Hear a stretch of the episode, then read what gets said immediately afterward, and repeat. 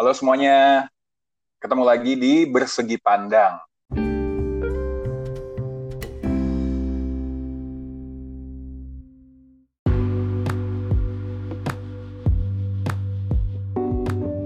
Jadi buat yang belum familiar dengan Bersegi Pandang, Bersegi Pandang adalah sebuah podcast yang dulu uh, gue host secara individu di tahun 2019 dan membahas berbagai, berbagai macam topik. Makanya ngomongnya bersegi pandang itu pelesetan dari persegi panjang karena kita ngomongin panjang lebar dari uh, banyak hal lah.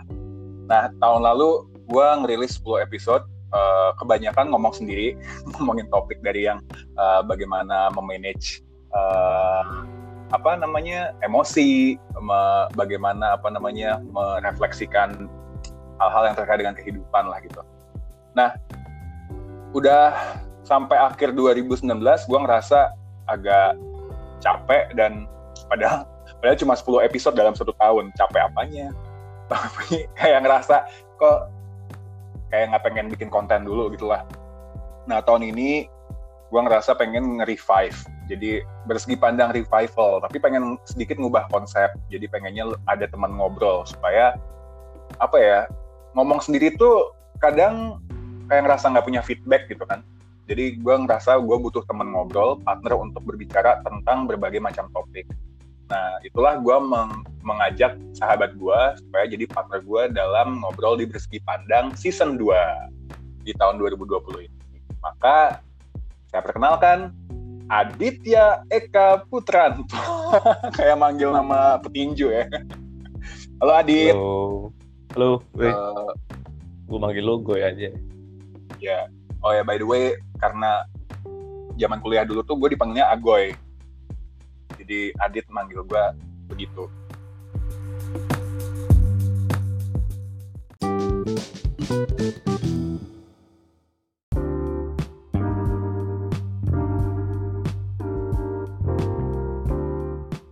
Ya Dit, gimana kabarnya? Alhamdulillah gue. Ya seperti ini saja. Jadi ini pandemi corona yang sangat menyebalkan, kita nggak bisa take di satu tempat yang sama. Jadi kita jarak jauh, didukung dengan teknologi zaman sekarang ya, sangat luar biasa. Jadi kita bisa ambil suara dan ambil gambar di berapa kilometer kita terpisahkan oleh jarak. Asik. Jadi Firsa Besari gue. Edit. Gimana selama corona lo masih ng masuk kantor? Masih. WFO WFH gitu shifting. Di luar tuh kayak gimana sih? Jujur ya, jujur ya. Sejak 16 Maret. Eh, gue terakhir keluar rumah tuh terakhir ngantor itu 14 Maret.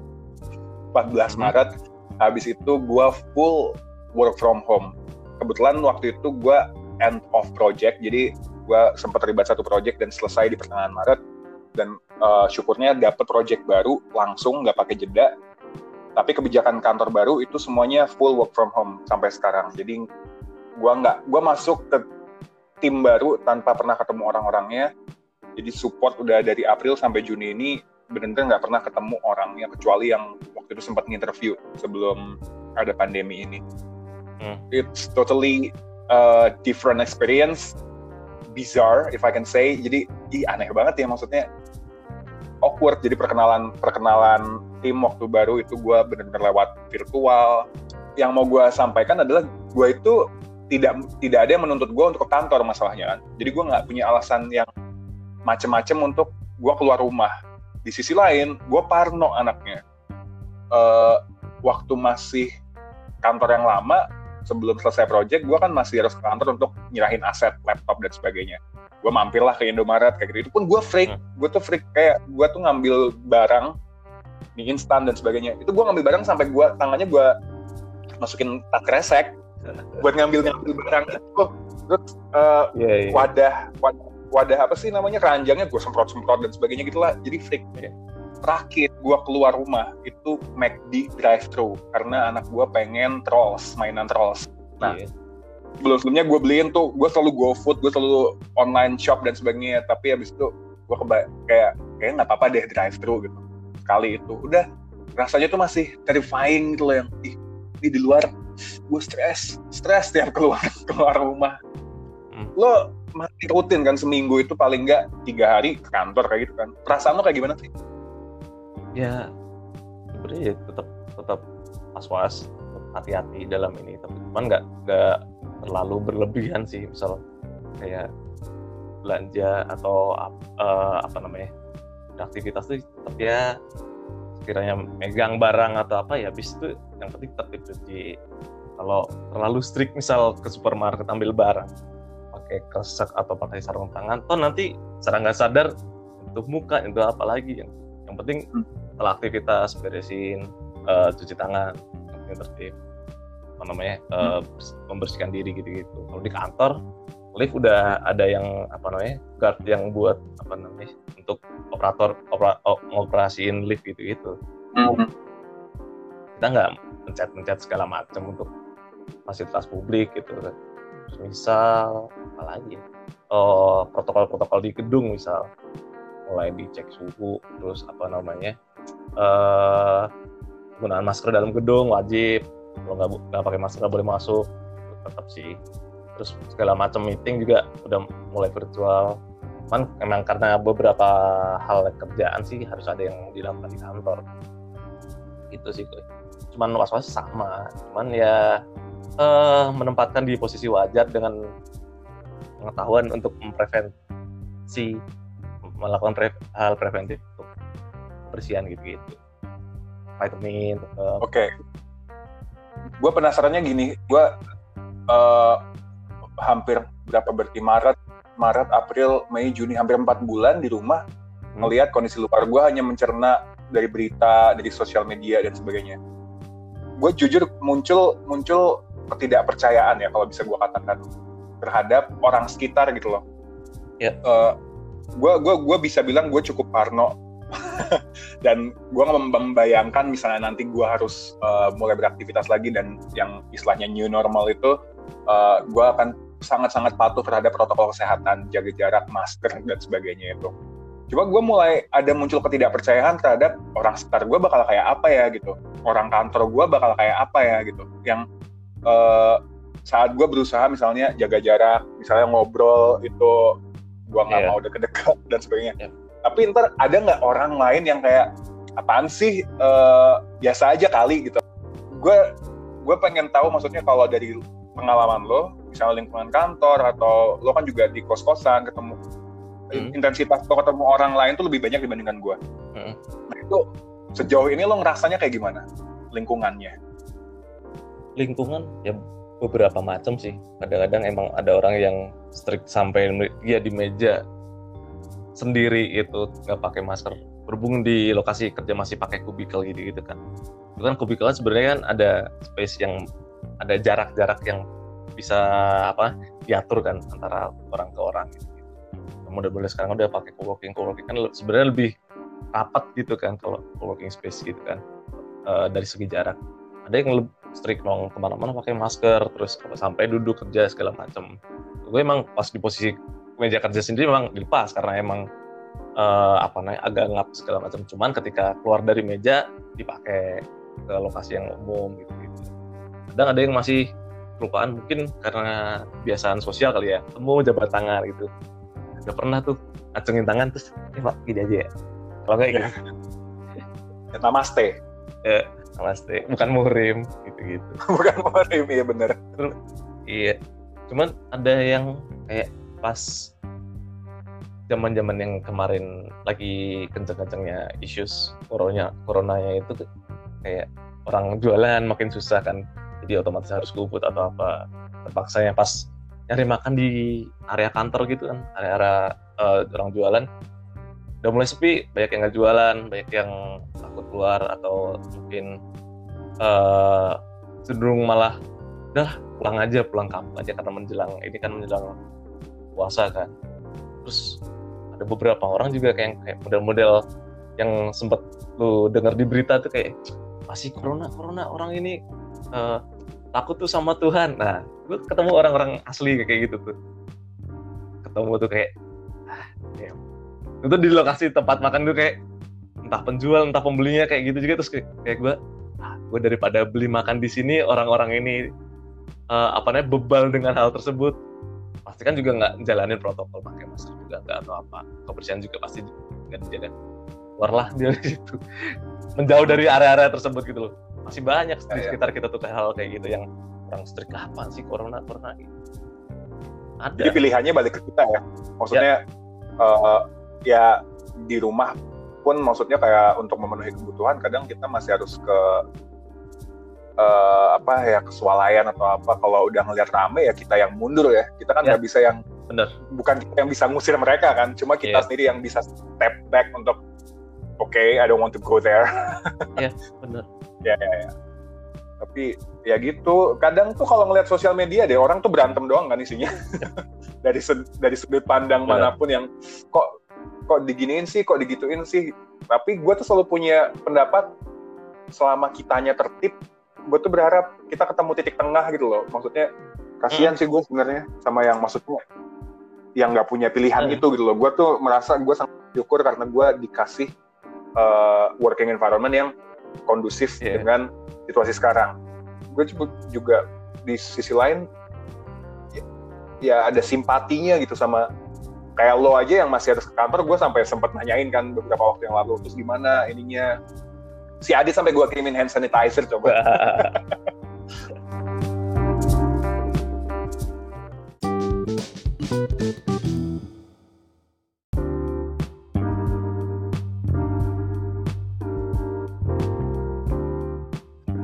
Ya, sebenarnya kayak ini nih gue pernah denger nggak kalau in, ah, orang bilang kalau kita itu bisa lihat seperti apa kuman kita tuh akan sangat takut ngapa-ngapain sangat takut, Ya, ya. takut makan segala macam. Mungkin eh, tingkat keparnoannya orang tuh kayak kayak gitu mungkin. Parahnya ya parahnya ya. Cuman kita ya tetap aja membat, eh, membatasi dengan hal yang apa sih istilahnya lebih yang disiplin tapi yang masih kita tolerir gitu loh tetap disiplin tapi nggak Emang. terlalu strict nggak terlalu parno atau apa yang penting ya tetap sampai nggak jalanin nggak rusak ya, logika kita lah ya. Ya. nggak rusak logika gue tuh sempat kepikiran loh maksudnya eh, anak-anak yang tumbuh melewati fase 2020 ini apakah nanti akan ada beberapa persen yang akhirnya jadi OCD gitu loh, ngerti nggak sih obsessive Yap. compulsive disorder yang kebersihan Eh, karena kan waktu masa tumbuh itu terus tiba-tiba dijejeli dengan eh, eh disinfektan dulu. Eh jangan langsung dipegang pakai tangan. Kayak kayak gitu gitu loh.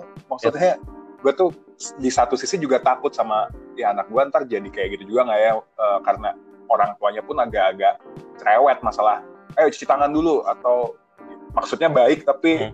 gue kadang mesti evaluasi hmm, is is that too much or uh, still in, in in in in the right amount of message? Kayak gitu gitu loh ya we never know. We'll see. Eh, terus? Lo selain ke kantor apa aja? Masih masih maksudnya menuntut lo harus keluar dari makan sih ya karena anak kosan ya? Iya.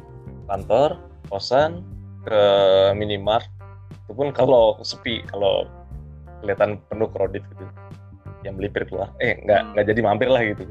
Ya itulah untuk Hmm. memenuhi kebutuhan sehari-hari. Memenuhi kebutuhan lain-lain bikin kopi. Stok gitu. masker lo banyak itu sekarang? Stok masker. Kemarin sih sempet apa namanya pakai yang reusable gitu kan. Ya cuci pakai pakai gitu. Um, gue malah sempat baca uh, kalau bisa misalnya aktivitas keluar itu nggak nggak cuma betul satu masker tapi dua sampai tiga. Karena dalam berapa jam harus kita ganti masker yang baru gitu. Oh, dan sampai rumah Iya sih. semuanya harus dicuci. Karena gue juga kemarin sempat sempat mikir dan sempat ngobrol sama teman yang lain kayak, "Ih, berarti gue kalau pulang dari kantor, misalnya nanti udah back to office ya, itu gue nggak bisa lagi ngegantungin celana jeans gue, nggak bisa ngegantungin jaket gue yang lu karena tweet kemarin. nggak tahu apakah iya gue nggak sampai nge-tweet. Karena gue nggak tahu apakah ada kontak yang terjadi selama gue pakai uh, pakaian tersebut kan. Yang biasanya gue bisa pakai jeans itu gue gantung selama seminggu baru baru gue cuci ini gue jadi gue sampai ngitung stok jeans gue celananya ada berapa nih buat seminggu. Oh cukup. Jaket oh cukup. Jaketnya pun gue ngeliat yang yang jumper harus apa masuk kepala atau yang cu- cuma cukup lengan lengan masuk doang kayak gitu kan. Iya. sampai ke situ mikirnya.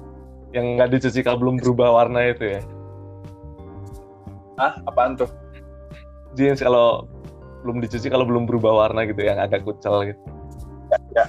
Benar-benar. Ya jadi gitu gue mikirnya macam-macam maksudnya gue belum belum new normal dalam urusan kerjaan. Maksudnya kan kerjaan kan berarti hal yang kita temuin hari-hari ya. Yeah. itu gue belum. Lama-lama juga keenakan itu di, di rumah tuh. Work from home. Lama-lama keenakan. Karena apa ya? Gue ngerasa uh, kayak time travel to work. Jadi biasanya gue harus bangun jam lebih pagi hmm. kan. Terus menempuh jarak uh, waktu satu sampai satu setengah jam tuh. Naik bus pula atau naik uh, eh, MRT sekarang gue bisa bangun lebih siang tapi gue buka laptop lebih cepat dibandingkan saat gue kerja biasa. Gue nyampe kantor misalnya jam setengah sembilan jam sembilan hmm. gue baru buka laptop. Dari rumah gue jam delapan udah bisa buka laptop. Sebenarnya kayak gitu. Tapi gue sempat denger uh, di luar itu ada sistem yang harus harus tetap jalan karena balik lagi ke ekonomi kan saat orang tidak pergi ke kantor ya banyak elemen-elemen ekonomi di luar yang nggak jalan karena nggak ada orang yang uh, mensupport yeah. roda tersebut gitu. Bener. Jadi in some ways I really really understand how the government thinks about the ekonomi ini harus gimana caranya supaya bisa tetap jalan gitu. Tapi ya gitu deh kayak nggak no win-win solution nggak sih menurut lo? Iya, benar. Dari sudut pandang gimana pun. Nggak ada yang bisa dikalahin sebenarnya. Kalau mau menangin balik menangin seluruhnya ya kondisinya emang nggak lagi nggak normal nggak mungkin lagi. Jadi akhirnya kita yang dituntut untuk lo bisa nggak kerjasama untuk mematuhi protokol kesehatan gitu. Yang itulah. Balik lagi sih kuncinya di orang sih. Tapi ya itu susahnya ngatur orang sih gue dari masa transisi ini dari ke, mundur ke belakang lagi zaman zaman psbb juga orang harus di apa namanya digerebek polisi yang patroli malam biar nggak nongkrong gitu gitu di Benhil sering tuh tiap ya. jam berapa ya mulai jam 9 ke atas polisi muter terus penjual-penjual agak agak was-was nih aduh polisi mulai muter nih gitu gitu mulai mulai jam jam 9 ke atas para patroli gitu gitu yang nongkrong nongkrong itu tuh beneran beneran nongkrong just for fun atau uh, ngapain sih sebenarnya? Ada beberapa yang emang kayak pemuda setempat gitu gitu kan. Ada juga teman-teman ojek online kan ya mau nggak mau kan dia nunggu ngambil orderan juga pastiin uh, ada lokasi transitnya atau lokasi nongkrongnya. Titik-titiknya juga udah ada sih. Iya sih. Kayak gitu sih. Ya. But still gue suka suka ngomong jangan sampai kitanya yang lengah gitu yeah. mesti ngelihat kan itu orang lain nggak apa-apa tuh kayak gitu itu kan sering hmm. tuh kayak gitu gue selalu bilang ya jangan lengah aja kita nggak tahu maksudnya sampai sampai vaksin atau obat ditemukan gue akan jauh ngerasa uh, lebih lebih apa ya tidak tidak khawatir untuk untuk untuk berinteraksi sewajarnya. Iya gue pun preventnya juga kayak kalau misal beli makan juga berusaha membeli makanan yang dimasak pada saat itu bukan yang tinggal dihidang terus di serve, udah di serving gitu kan tinggal diambil kayak di warteg atau di yeah, yeah. di iya. warung-warung yang udah ya, yang udah ada makanan. Karena sudah saintifik kan memang virusnya virusnya mati saat di ini kan suhu suhu betul, apa sangat panas kayak gitu kan. Ya preventifnya kita yang ngatur lah disesuaikan dengan protokol kesehatannya kan ada ada sejauh apa gitu. Tapi se sejauh ini ada orang yang lo kenal, apakah itu keluarga atau teman atau kenalan hmm. yang terdampak oleh corona? Sejauh ini yang tidak maksudnya kena atau kenal sih bel belum kena. orang yang kenal langsung sih belum belum belum ada. Jangan belum lah, jangan jangan, jangan, jangan sampai ada. ya, jangan sampai juga nah. sih sampai juga wanti-wanti di rumah yeah. jangan pergi-pergi gitu kan. Kalau butuh apa-apa beli aja online sampai keluar rumah. Dan kalau lu gue ya isi, isi rumah gue dos dos dos online shop. Rumah gue tuh di pojokan sana ada dos shopee di situ ada oriflame di situ ada tokopedia. Ya kalau bisa online apa enggak sih? Justru kayak sekarang kan jadi uh, kelihatan nggak sih makin banyak apa namanya orang-orang mengeluarkan bakat memasak dan membuat produknya masing-masing. Mie mie gue gue sampai ada ini kan? gue tuh selama pandemi akhirnya jadi belajar ya, masak. ada yang bisa belajar masak terus ada yang punya hobi terus akhirnya di apa namanya dikomersialisasikan kan? Terus ya ada support support Ah. apa lokal produk atau apa yang kenceng di Twitter sampai ada stikernya juga. Jadi dari sisi lain juga ada ada yang produktif bisa apa namanya usaha-usaha lokal jadi ngeliat gitu loh ini. Makin ke sini di satu sisi tuh gue juga ngelihat apa eh, ya maksudnya look at the bright side saat kita sedunia ini kena pandemi kayak gini itu tuh ya ya ada ada satu hal yang perlu kita syukuri itu kenanya tuh di tahun 2020 ini gitu. Saat kita udah punya sistem infrastruktur online shop yang lumayan kuat gitu kan online delivery yang sangat kuat gitu kan. Jadi saat kita harus berada di rumah most spend most of our time at our house at our home itu eh, banyak yang ya itu kondusif. Kita tuh masih bisa kondusif untuk mesen barang mesen makan gitu. bayangkan ini terjadi di tahun misalnya 2000 2010 gitu. Belum ada belum ada Gojek belum ada Grab belum ada e-commerce yang semasif seperti ini. Itu nggak ada ibaratnya nggak ada alasan untuk eh, bilang eh, apa ya istilahnya ya gue harus keluar rumah cuy masalahnya karena gue harus beli ini beli itu. Nah sedangkan sekarang dengan infrastruktur yang kita sudah punya infrastruktur infrastruktur digital yang kita punya sekarang ternyata setidaknya mengurangi mengurangi apa ya situasi yang bisa jadi lebih buruk gitu kan menurut gue Oke. sih gitu. Benar sih